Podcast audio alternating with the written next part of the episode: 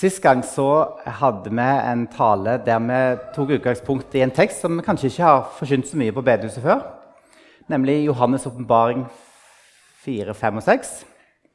Vi rakk ikke så veldig mye i kapittel 6, for det var fint vær for, for 14 dager siden. Så, men i dag er det jo vel så fint, så vi får bli ferdig fort her nå. Eh, husker dere Johannes, hvor han var henne når han skrev Johannes' åpenbaring? Patmos. Han var på Patmos. Han hadde det ikke særlig greit. Han var fange. Var i, i eks, eh, fangenskap der, da. Eh, og det var pga. sin tro, sitt vitnesbyrd om Jesus. Og eh, det var, han levde Dette skjedde sannsynligvis eh, Det er litt usikkert, da, men kanskje det var under keiser Domitian. Eller muligens keiser Nero. Uansett, det var ikke greit. Han, eh, han var der fordi det, det, var forfølgelse, og Johannes var nå, var nå eh, satt der i varetekt. Og det å være i fangenskap det er jo ikke noe som er som bare han var. Det er, var, det er et annet fangenskap i Bibelen som ble beskrevet. Og eh, dere vet kanskje hva fangenskap jeg snakker om. For vi nærmer oss jo påske, gjør vi ikke det? Plutselig påsken der. Jeg så på kalenderen at det er ikke lenge til. Og Da tenkte jeg at jeg må ta for meg en tekst som, eh, som er litt relevant i den forbindelse. Så jeg tenkte at vi skal se litt på andre Mosebok og eh, dette med de ti plagene. Håper at jeg ikke plager dere for lenge med det. Hmm. Eh, Israelsfolket var kommet ned til Egypt. Og eh, der hadde de det veldig fint til å begynne med. Fordi at Josef jo, var, jo, var jo finansminister i Egypt, eller et eller annet i den duren. Men så eh, gikk det ei stund. Hvor mange år gikk det? Ja, Ca. 400 år. Da var det jo en annen far, og han, han, tenkte ikke noe på Josef. Så da begynte det å bli ganske ille etter hvert. De var, de var slaver blitt. Og hva gjorde de eh, når de var slaver? De sukka og stønte og akka seg. Og Det er det det står. Og I 2. Mosebok kapittel 2 så står det Gud hørte hvordan de stønnet, og Gud husket sin pakt med Abraham, Isak og Jakob. Og Her møter vi et begrep som er kjempeviktig i Bibelen, nemlig ordet pakt. Det er sånn at eh, når du leser Bibelen, så er det en slags progresjon. Gud åpenbarer seg for eh, israelsfolket, og vi ser liksom mer og mer av planen han har for å, for å danne seg et folk og for å frelse oss, sånn at vi kan stå, komme tilbake igjen til Gud. Og Abraham eh, er jo en eh, veldig viktig skikkelse i Bibelen, og han, han inngikk Gud en pakt med. Og jeg vet ikke om du husker det, men I kapittel 15 så står det noe sånt som dette. Gud sa til Abram altså Han hadde ikke fått navnet Abraham ennå. Dette skal du vite. Ætten din skal bo som innflytter i land som ikke er deres. De skal være slaver og bli plaget av folket der i 400 år. For det folket de må slave for, vil jeg dømme, og deretter skal de dra ut med, stort, med stort bytte. Og dette sier Gud til Abraham, eller Abraham da, når han inngår pakten med at han skal bli et stort folk, og han skal bli til velsignelse, og i hans ett skal alle slekter på jorden velsignes. Men altså så er det en mørk side her, og det er at de skal bli ført til et fremmedland og bli slaver. Og det skjedde jo da. Og nå er det jo sånn eh, at dere har jeg tror jeg kjenner jo dere alle her. da, Dere er jo bibelsprengte hele gjengen. Så dere kan jo historien så godt. ikke sant? 40 år var Moses i palasset, var han ikke det? Tjente der, var, var liksom i, var som en sønn for eh, datter til farao. Og så, når de 40 årene gikk, så, det, så, ja, så slo han en i hæl og litt sånn rusk i maskineriet der. Det gjorde at han måtte flykte. Han flykta til Midjan. Åh, bra. Hvor lenge var han i Midjan? 40 år. 40 år i Egypt, så 40 år i Midjan. Der eh, fikk han seg en familie, fikk en svigerfar som heter Åh, jeg kan bare, jeg kan bare gå ut. Dere kan dette her. Bra. Men så er det sånn at det, når, på et tidspunkt der så ser Moses noe rart. Hva er det han ser? En brennende busk. Det er kanskje ikke så rart, men jeg ser for meg den busken bare brant og brant. Og brant, og her er det finnes en busk som bare står der og brenner. Hva vet jeg? Men iallfall så er det i denne Der møter han Gud. Ja, og Gud åpenbarer sitt navn for Moses. Jave, eller som noen sier, Jehova. Jeg er den jeg er. Jave. Og så får han kallet. Eh, du skal gå og, og, og, til farao og, og, be om å få folket til å gå ut, altså bli fri. Så eh, her står det altså da i eh, kapittel 3 Herren sa, 'Jeg har sett mitt folks nød i Egypt' 'og har hørt skriken deres under slavedriverne.' 'Jeg kjenner deres smerte.' 'Jeg har steget ned for å fri dem ut av hendene på egypterne' 'og føre dem opp fra dette landet og inn i et godt og vidstrakt land', 'inn i et land som flyter av melk og honning' stedet hvor kananeerne og hetittene, amorittene, perisittene, hevtittene og jebusittene bor. For nå har skriket fra israelittene nådd meg, og jeg har også sett hvor hardt egypterne undertrykker dem. Gå nå, jeg sender deg til farao. Du skal føre mitt folk israelittene ut av Egypt.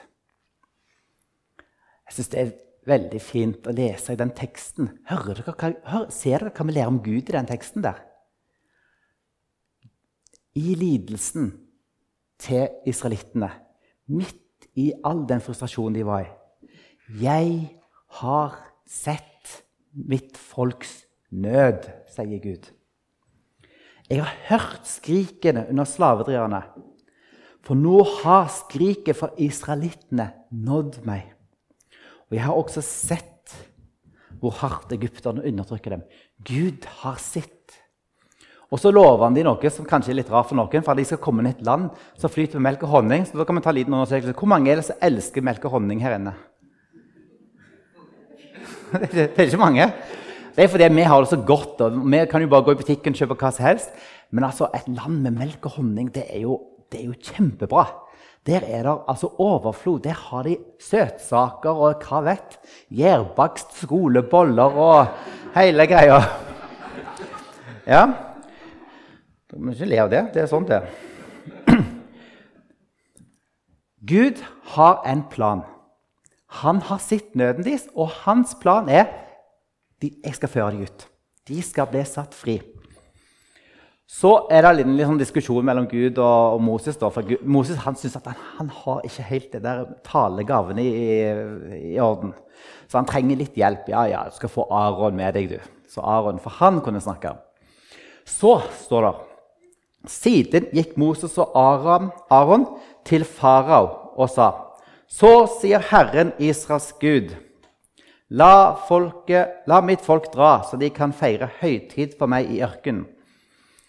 Det er litt sånn morsomt, fara, altså Egypt var jo et kjempestort land, et mektig land på den tiden. Men disse dynastiene de hadde. Det jo, dette er vel 13, enten 1300 år før eller 1500 år før Kristus. Dette her skjedde. det litt sånn. De er litt usikre på det. Jeg, jeg har ikke satt meg så godt inn i akkurat alderen der. da. Men den kjempe, altså det er den første, ikke sant? farao så er det sånn, eh, Hvis dere er misfornøyd med et eller annet, så ja, du kan jo bare gå til Støre og snakke litt med han. Det kan du ikke. Så, men, men, Moses han har jo vært i altså, Når han kommer, de vet hvem han er. Så han får tilgang til å komme fram for farao og snakke med ham. Og ja, det er mye morsomt, for Ofte så møter han ham med, elve, altså.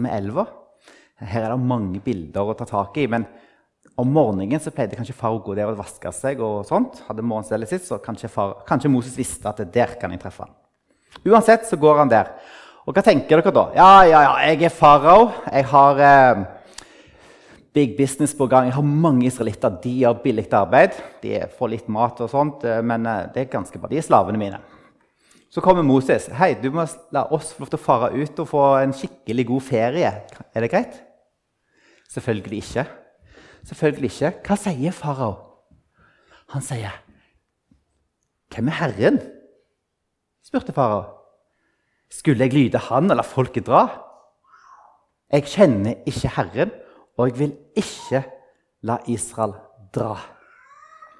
Overraskende? Nei, selvfølgelig ikke. Men legg merke til farao han kjente ikke Herren. Og nå må jeg bare repetere noe som jeg har sagt før. men det er verdt å ta. Hvis dere har en moderne oversettelse, så ser dere at Herren står med sånne store bokstaver. Det betyr at det er oversettelse av Jave. Det er Jave. Hvis det står H-E-R-R-E-N med små bokstaver Adonai, da er det, da er det ikke Jave. Da er det Gud eller altså den suverene. Men står det sånn, da er det Herren. Så her kommer Moses og så sier at eh, Jave har kalt oss ut til å gå ut og tilbe han i ørkenen. Du må sette oss fri. Nei, nei, nei. nei. Hvem Herren, hvem er det? Nei, nei. Back to work. Og så tenker du Hvordan var det, da? Så, uh, Israelittene de hadde jo gått med på å la Moses lede dem, for han hadde jo den der staven og gjort noen under med den. Så går han til farao og sier du må slippe oss fri. Så sier farao nei. Og skal det være på den måten, så skal dere jammen få hente halmen sjøl som dere trenger for å lage mursteinene. Og hva gjorde folket i israelsfolket da? De ble dritsure på Moses. Nå har, du, nå har du virkelig irritert på deg farao for oss. Det sa de. De sa, 'Måtte Herren se dere', altså Aron og Moses, 'og dømme dere', for dere har gjort oss frastøtende i faraos og hans tjeners øyne.' 'Dere har lagt sverd i hånden på dem som de kan drepe oss.' Kapittel 5. Så eh, farao han ville ikke la folket fare. Eh, han kjente ikke Herren og brydde seg egentlig ikke om hva Moses kom og sa. Så det er én begrunnelse, men det er mer. I teksten vil få fram mer. For det står i kapittel 4 eh, følgende Da sa Herren til Moses.: Når du kommer tilbake til Egypt, se da til at du gjør alle de undrene for farao som jeg har lagt i din hånd. Men jeg vil gjøre hans hjerte ubøyelig, så han ikke lar folket dra. Du skal si til farao, så sier Herren, Israel er min førstefødte sønn. Jeg sier til deg, la min sønn dra, så han kan tilbe meg. Men nekter du ham å dra, se, da vil jeg drepe din førstefødte sønn. Så det var ikke bare det at farao ikke ville altså, det, det, er mer til dette enn at farao bare ikke kjente Herren og hadde trengte litt gratis arbeidskraft. Men han hadde et forherda hjerte. Eller som det står i oversettelsen, et ubøyelig hjerte. Han var ubøyelig. Og eh,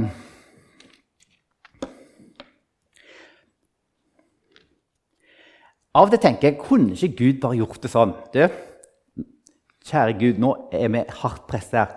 La oss, la oss, gå. Og så skulle jeg ønske Gud sa ja, OK, jeg ordner det. Så da bare ordner vi sånn til farao eh, får godvilje. Så slipper han dere løs, og så er alle glad. Og da er alle ute av eh, fangenskapet. Hipp hurra. Du må innrømme at du kunne ønske det var litt sånn. Når vi ber og får ikke svar, så, er det ofte, det er ofte at eh, vi liksom Jeg vet ikke hvordan du har det, men kan bli litt sånn oppgitt. Hvorfor kunne ikke Gud bare ordnet det? Men sånn er det ikke. Vi lever i en verden prega av syndefallet. Hvis Gud hadde bare fiksa alt sånn som vi ba om, så hadde ikke vi sett konsekvensen av synden, tror jeg. Og det hadde gått ille med oss alle. Synden er en realitet i verden. Gud bare gjør ikke sånn og lapper på det. Konsekvensene må vi se. Og Jeg vet at dette ikke svarer på det ondes problem godt ut, Men det er et faktum. Det er synd i verden. Og Gud har en plan som går mye lenger enn å bare fikse det sånn lokalt der og da. Han har en større plan. Og hva er planen hans?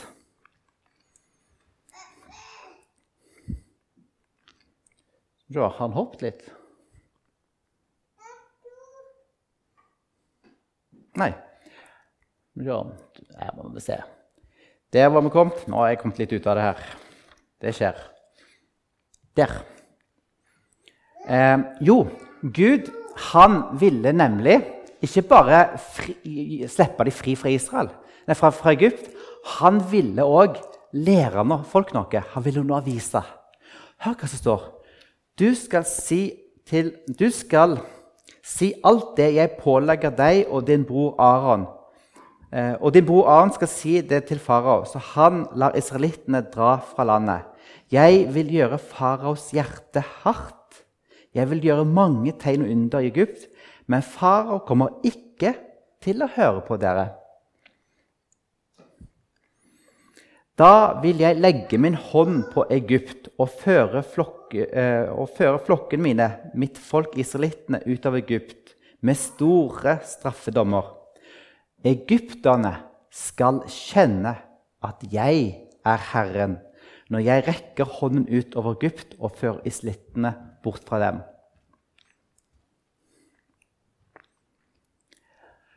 Egypterne skal kjenne at jeg er Herren. Hva var det han sa, farao, når han ikke ville slippe det løs? Hvem er Herren? Skal jeg lyde han, sånn at folket skal få dra? Jeg kjenner ikke han. Men altså her i, i, i den teksten vi hadde her, i kapittel 7, så står det egypterne skal kjenne at jeg er Herren, når jeg rekker hånden ut over Egypt og fører israelittene bort fra dem. Og når du leser, eh, når du leser nå i andre Mosebok videre utover, så vil du se at det er en progresjon. Først så begynner farao med å si Hæ? Jave? Hvem er det? Jeg kjenner ikke han. Nei, nei, nei. Dere, kan, dere må bare gå og jobbe igjen. Det her går ikke. Men når du kommer til f.eks. den fjerde plagen, hva sier farao da? Jeg lar dere dra da plutselig har han ombestemt seg. Nå skal han la dem dra, men han, dere vet jo hvordan det ender. Han ombestemmer seg igjen.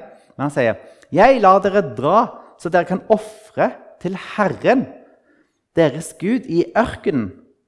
Men dere må ikke dra for langt bort. Gå i forbønn for meg. Tenk på det, du. Her begynner far å be om forbønnstjeneste. Så Israelitten har sånn telefontjeneste. Sånn, be inn dine bønneemner. Far ringer meg en gang. Nei da, han gjorde ikke det. Men ser dere her? Han, nå plutselig så sier han at dere, jo, dere kan få lov til å dra. Riktignok så ikke alle. Ikke dra alle. Han vil ikke slippe alle. Bare, bare, mennene kan dra. eller. Og så senere ja, husdyrene må være igjen. Til slutt, når, når den tiende plagen kommer, da sier han, sier han ikke sånn ja, noen av dere, da sier han 'gå'. Virkelig. Dra vekk herfra. Um, den sjuende plagen, hva sier han da? Denne gangen så nå Farao har kommet langt i, i progresjonen her. Denne gangen har jeg syndet. Herren har retten på sin side. Det er jeg og folket mitt som er skyldige. Gå i forbønn hos Herren. Det har vært mer enn nok av Guds torden og hagl. Så vil jeg la dere dra. Dere behøver ikke å være her lenger. Så nå plutselig begynner han å bekjenne syndene sine. farao. Det er jo litt sånn spesielt. Så fra å være han her som sier 'Hæ, hvem er Herren?' Han kjenner jeg ikke. Så er han plutselig en som, som nå bekjenner at det, 'Jo, dere har rett. Jeg har feil. Bare dra og be for meg.' Men han ombestemmer seg og lar det ikke dra likevel. For 20. plagen Da er vi ikke kommet til den tiende ennå. Og... Eh, det er altså ti plager. Kan dere de utenat? Er dere klar? Det er altså ti plager. Første er Nilen til blod. Frosker overalt. Jord til mygg. Der. Fluer fyller Egypt, er den fjerde. Buskapen dør, byller osv. Hagl, gresshopper, mørke over landet, og til slutt førstefødte. Og i den høyre kolonnen der så er det sånn at eh, det er noen som peker på at kanskje disse her plagene matcher de gudene som var i Egypt. F.eks. Eh, Nilen til blod. Så vet vi at eh, egypterne de hadde en sånn kultus rundt Nilen og tilba guden Hapi, som var altså Nilens gud. Frosker overalt. Så var det Heked, og så videre og så videre. Når det ble mørke vi vet, Ra er jo solguden. Ja, Noen kritiserer litt den måten å sette det opp på. som jeg viser dere der, fordi at disse gudene til Egypt det, var jo mange flere enn disse. Og de ble tilbedt litt til ulike tider i historien og på ulike plasser. Så kanskje ikke vi kan lage tabellen sånn og tolke det sånn. Men det spiller ingen rolle, for det, det er én ting som er tydelig i Bibelen. Og det er at de ti plagene gjorde Gud for to grunner. For å åpenbare sitt navn, så, det, så Herren Jave skulle bli kjent, og for at han skulle demonstrere at han er den suverene, og at han holder dom over gudene i Egypt. Og Dette ser vi tydelig når vi kommer til kapittel 12 i andre Mosebok. Denne natten Da er vi til tiende plagen. Denne natten skal jeg gå gjennom Egypt og slå i hjel alle førstefødte i landet, både mennesker og dyr. Og jeg skal holde dom over alle gudene i Egypt. Jeg er Herren. Jeg er Jave. Han skulle holde dom over alle gudene i Egypt. Og Hvis du syns det var bare, liksom bare ett vers, så står det i kapittel 15, vers 11 Der, står, der sier Moses i, i, den lovsangen sin Hvem er som du blant alle, Gud, alle guder, Herre? Såkalte guder, da. Eh, Jetro, svigerfar til Moses, hva sa han etter han hadde observert alt dette? Jo, i kapittel 18 så sier Jetro Men nå Dere husker hva Jetros yrke var? Hva var han? Han var prest i Midjan. Ok, Kanskje en ordentlig avgudsdyrker. Men han hadde observert dette. Hva sier han? Men nå vet jeg at Jave, altså Herren, er større enn alle andre guder. Og Sånn kan vi fortsette så videre. Herren hadde holdt dom over gudene deres, sier det, sier, står det i 4. Mosebok kapittel 33. Så de ti plagene viser tydelig hvem Herren er. Åpenbarer at Gud er suveren, ikke de andre. Og at han holder dom over dem. Og disse her, Det er jo litt morsomt, da, for hvis dere ser på disse plagene Nilen til blod er det noen andre som klarte å gjøre det?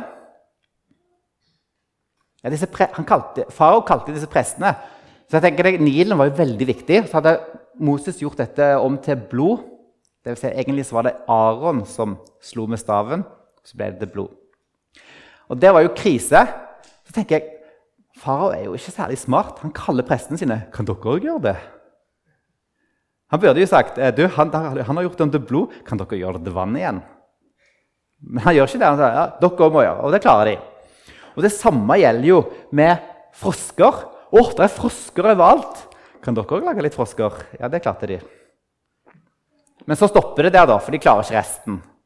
Og Det er så morsomt å se, for det at det, eh, i den sjette plagen, f.eks. byller, så tenkte farao oi, oi, oi, byller overalt. Åh, det var ikke bra. Så nå må han kalle prestene sine. Hva skjer når, når han kaller prestene sine? Nei, De har tatt en tredagerstid. De er jo syke, de, og de har buller overalt. Så de kommer ikke. De, Gud har holdt dom over dem. Prestene kan ikke komme. Det er tomt i templene i Egypt. Så ser vi noe som vi har lest om, og det er dette med det ubøyelige hjertet til farao. Der ser vi òg at det er et sånn, litt sånn mønster på gang. Og Her har jeg liksom lista litt opp det som står etter hver. Jeg har skrevet den nullte plagen. Det er egentlig når Moses og Aron trer fram før plagene kommer. Når han sier 'Nei, jeg vil ikke slippe dere løs'. Altså, dere får ikke fri. Da står det altså at faraos hjerte var ubøyelig. Og det står det i den første plagen. Faraos hjerte var ubøyelig. Og den andre så står det til farao altså at han gjorde hjertet sitt hardt, som er det samme ordet ubøyelig. Og tre og fire. Men når vi kommer til plage nummer fem, så skjer det en endring. For fra da av så står det at Herren gjorde faraos hjerte ubøyelig. Og det, og det ser vi nedover på resten her. Det er altså, plutselig så går vi fra at det, det står bare at, det, at faraos hjerte var hardt eller ubøyelig, så plutselig så er det Gud som gjør faraos hjerte ubøyelig. Og det kan være litt vanskelig å forstå. Hva betyr det å gjøre det ubøyelig? Det betyr bare at han vil ikke endre seg. Så det betyr ikke at farao ble nå kontrollert som sånn, det, sånn, med sånn tråder. Nå må du bare gjøre som jeg sier. Gud han han gjorde bare at farao var seg sjøl. Ubøyelig. Men det var Gud som hadde kontroll over alt. Kunne ikke Gud bare som jeg sa, bare gjort ja, faraos hjerte bøyelig? Hva hadde skjedd da, hvis Moses og Aron kom fram? Du, kan vi få lov til å dra ut av Egypt? Ja, dra ut. Hva hadde de tenkt da? Da hadde israelsfolket stått med skikkelig sånn med Moses og Aron. Bra, dere klarte det. Dere er heltene våre. Dere klarte å få oss fri. Men det var Gud som skulle føre dem ut. Og han skulle demonstrere sin makt og sin herlighet og holde dom over gudene i Egypt. Derfor er dette en del av Guds plan. Det ble litt sånn som historien med Gideon. Husker dere den? Han hadde jo en svær hær. Og så sier Gud at nei, du må sende hjem folk, for det er for mange. Fordi at Hvis dere nå vinner slaget, så kan noen tenke at det er ved vår egen hånd at vi har blitt berga, sa, sa Gud. Så de som er redde, kan dra. Så drog de. Så sa de de som drikker på en feil måte, de kan dra. Hvor mange gikk de? 32 000 til 300. Bra. Så da var det så tydelig at det var Herren som gjorde at de vant slaget. Det ser vi her òg. Det er Gud som har kontroll. Men merk dere én ting. At det, det, er et liten sånn vanskelighet her, for vi har litt vanskelig å forstå dette med det ubøyelige hjertet. Gud har kontroll. Det tror vi. Gud er den suverene. Men vit en ting, at det betyr ikke at vi mennesker ikke må gjøre valg og stå til ansvar for våre valg. Vi gjør våre valg. Det var en brødregjeng som fant ut at de ville bli kvitt en irriterende bror. Så de slolta han til slaveri, nemlig Josef. Så fra menneskeperspektiv så var det brødrene som sa ah, Josef, han der med kappen sin og greiene. Han kvitter vi oss med. Vi selger han. De måtte stå til ansvar for det, og de var jo livredde for det de hadde gjort. Men hva var den andre sida av det? Hva var det som Moses, nei, Josef sa? Jo, han sa, 'Dere tenkte å gjøre ondt mot meg.' Det tenkte de, og de gjorde det. Men Gud tenkte det til det gode. Så Vi må ha begge tanker i hodet samtidig. Både mennesker gjør valg, men òg må stå til ansvar, men Gud har kontroll. Konge, Asyrerkongen førte israelsfolket i fangenskap senere igjen, til Babylon. Da skrytte han over hvor, eh, hvor mektig han var, uten å vite at han var bare et redskap i Guds hånd. Les Jesaja, så ser du det. Og han må stå til rette for det han gjorde. I ordspråkene 16 så står det menneskehjertet tenker ut sin vei, men Herren styrer hans gang. Gud har kontroll, men vi må også ta ansvar for våre valg. Begge tanker må vi ha i hodet samtidig, selv om det kan være vanskelig å forstå. Gud gjorde alt dette for å demonstrere noe, for å undervise, for å lære oss noe. Hør hva som står her. Så sier Herren, ved dette skal dere kjenne at jeg er Herren. Se, jeg slår på vannet i Nilen med staven jeg har i hånden, og det skal bli forvandlet til blod. Ved dette, altså det som kom etterpå, på grunn av dette skal dere få kjenne at jeg, Gud Altså ikke jeg, men Gud. Jeg bare prøver. At, Herren, at han er Herren. Seinere ser vi igjen Han sa til i morgen eh, Til i morgen, Det er veldig rart. Da sa Moses, det skal bli som du har sagt, for du skal kjenne at ingen er som Herren vår Gud. For Dere har hørt det mange ganger nå. Når det står et ord før, så skal du lure på hvorfor det står der for. ja, noe sånt. Ordet 'for' der det betyr egentlig 'til denne hensikt'. Til denne hensikt at du skal kjenne at ingen er som Herren vår Gud. Men vi fortsetter utover plagene. Men den dagen vil jeg skille ut Gosen, hvor folk mitt holder til. Der skal det ikke være insekter for at du skal kjenne at jeg, Herren, er midt i landet. Han som ikke visste hvem Jave var, han skal lære å kjenne han. Gud demonstrerer hvem er Jave. 20. plagen. Eh, for denne gangen vil jeg sende alle plagene mine ut mot deg selv og over tjenerne dine og folket ditt, så du kan kjenne at ingen er som jeg på hele jorden. Er dere overbevist? Som tegn til? Men jeg har likevel holdt deg oppe det sier farao, altså, for å vise min makt og for at navnet mitt skal bli forkynt over hele jorden.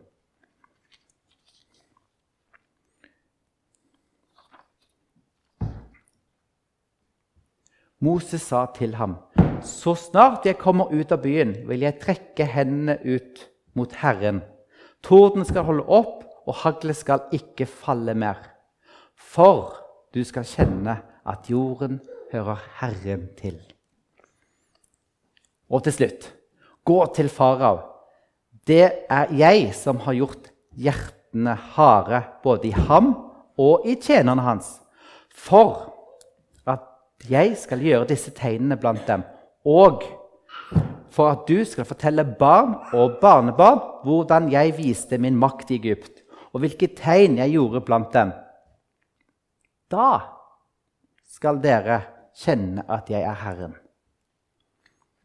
Da Det samme hebraiske ordet der som det var tidligere, som betyr egentlig 'med denne hensikten'. For denne hensikten at dere skal kjenne at jeg er Herren. Plagene er der for at vi skal lære noe.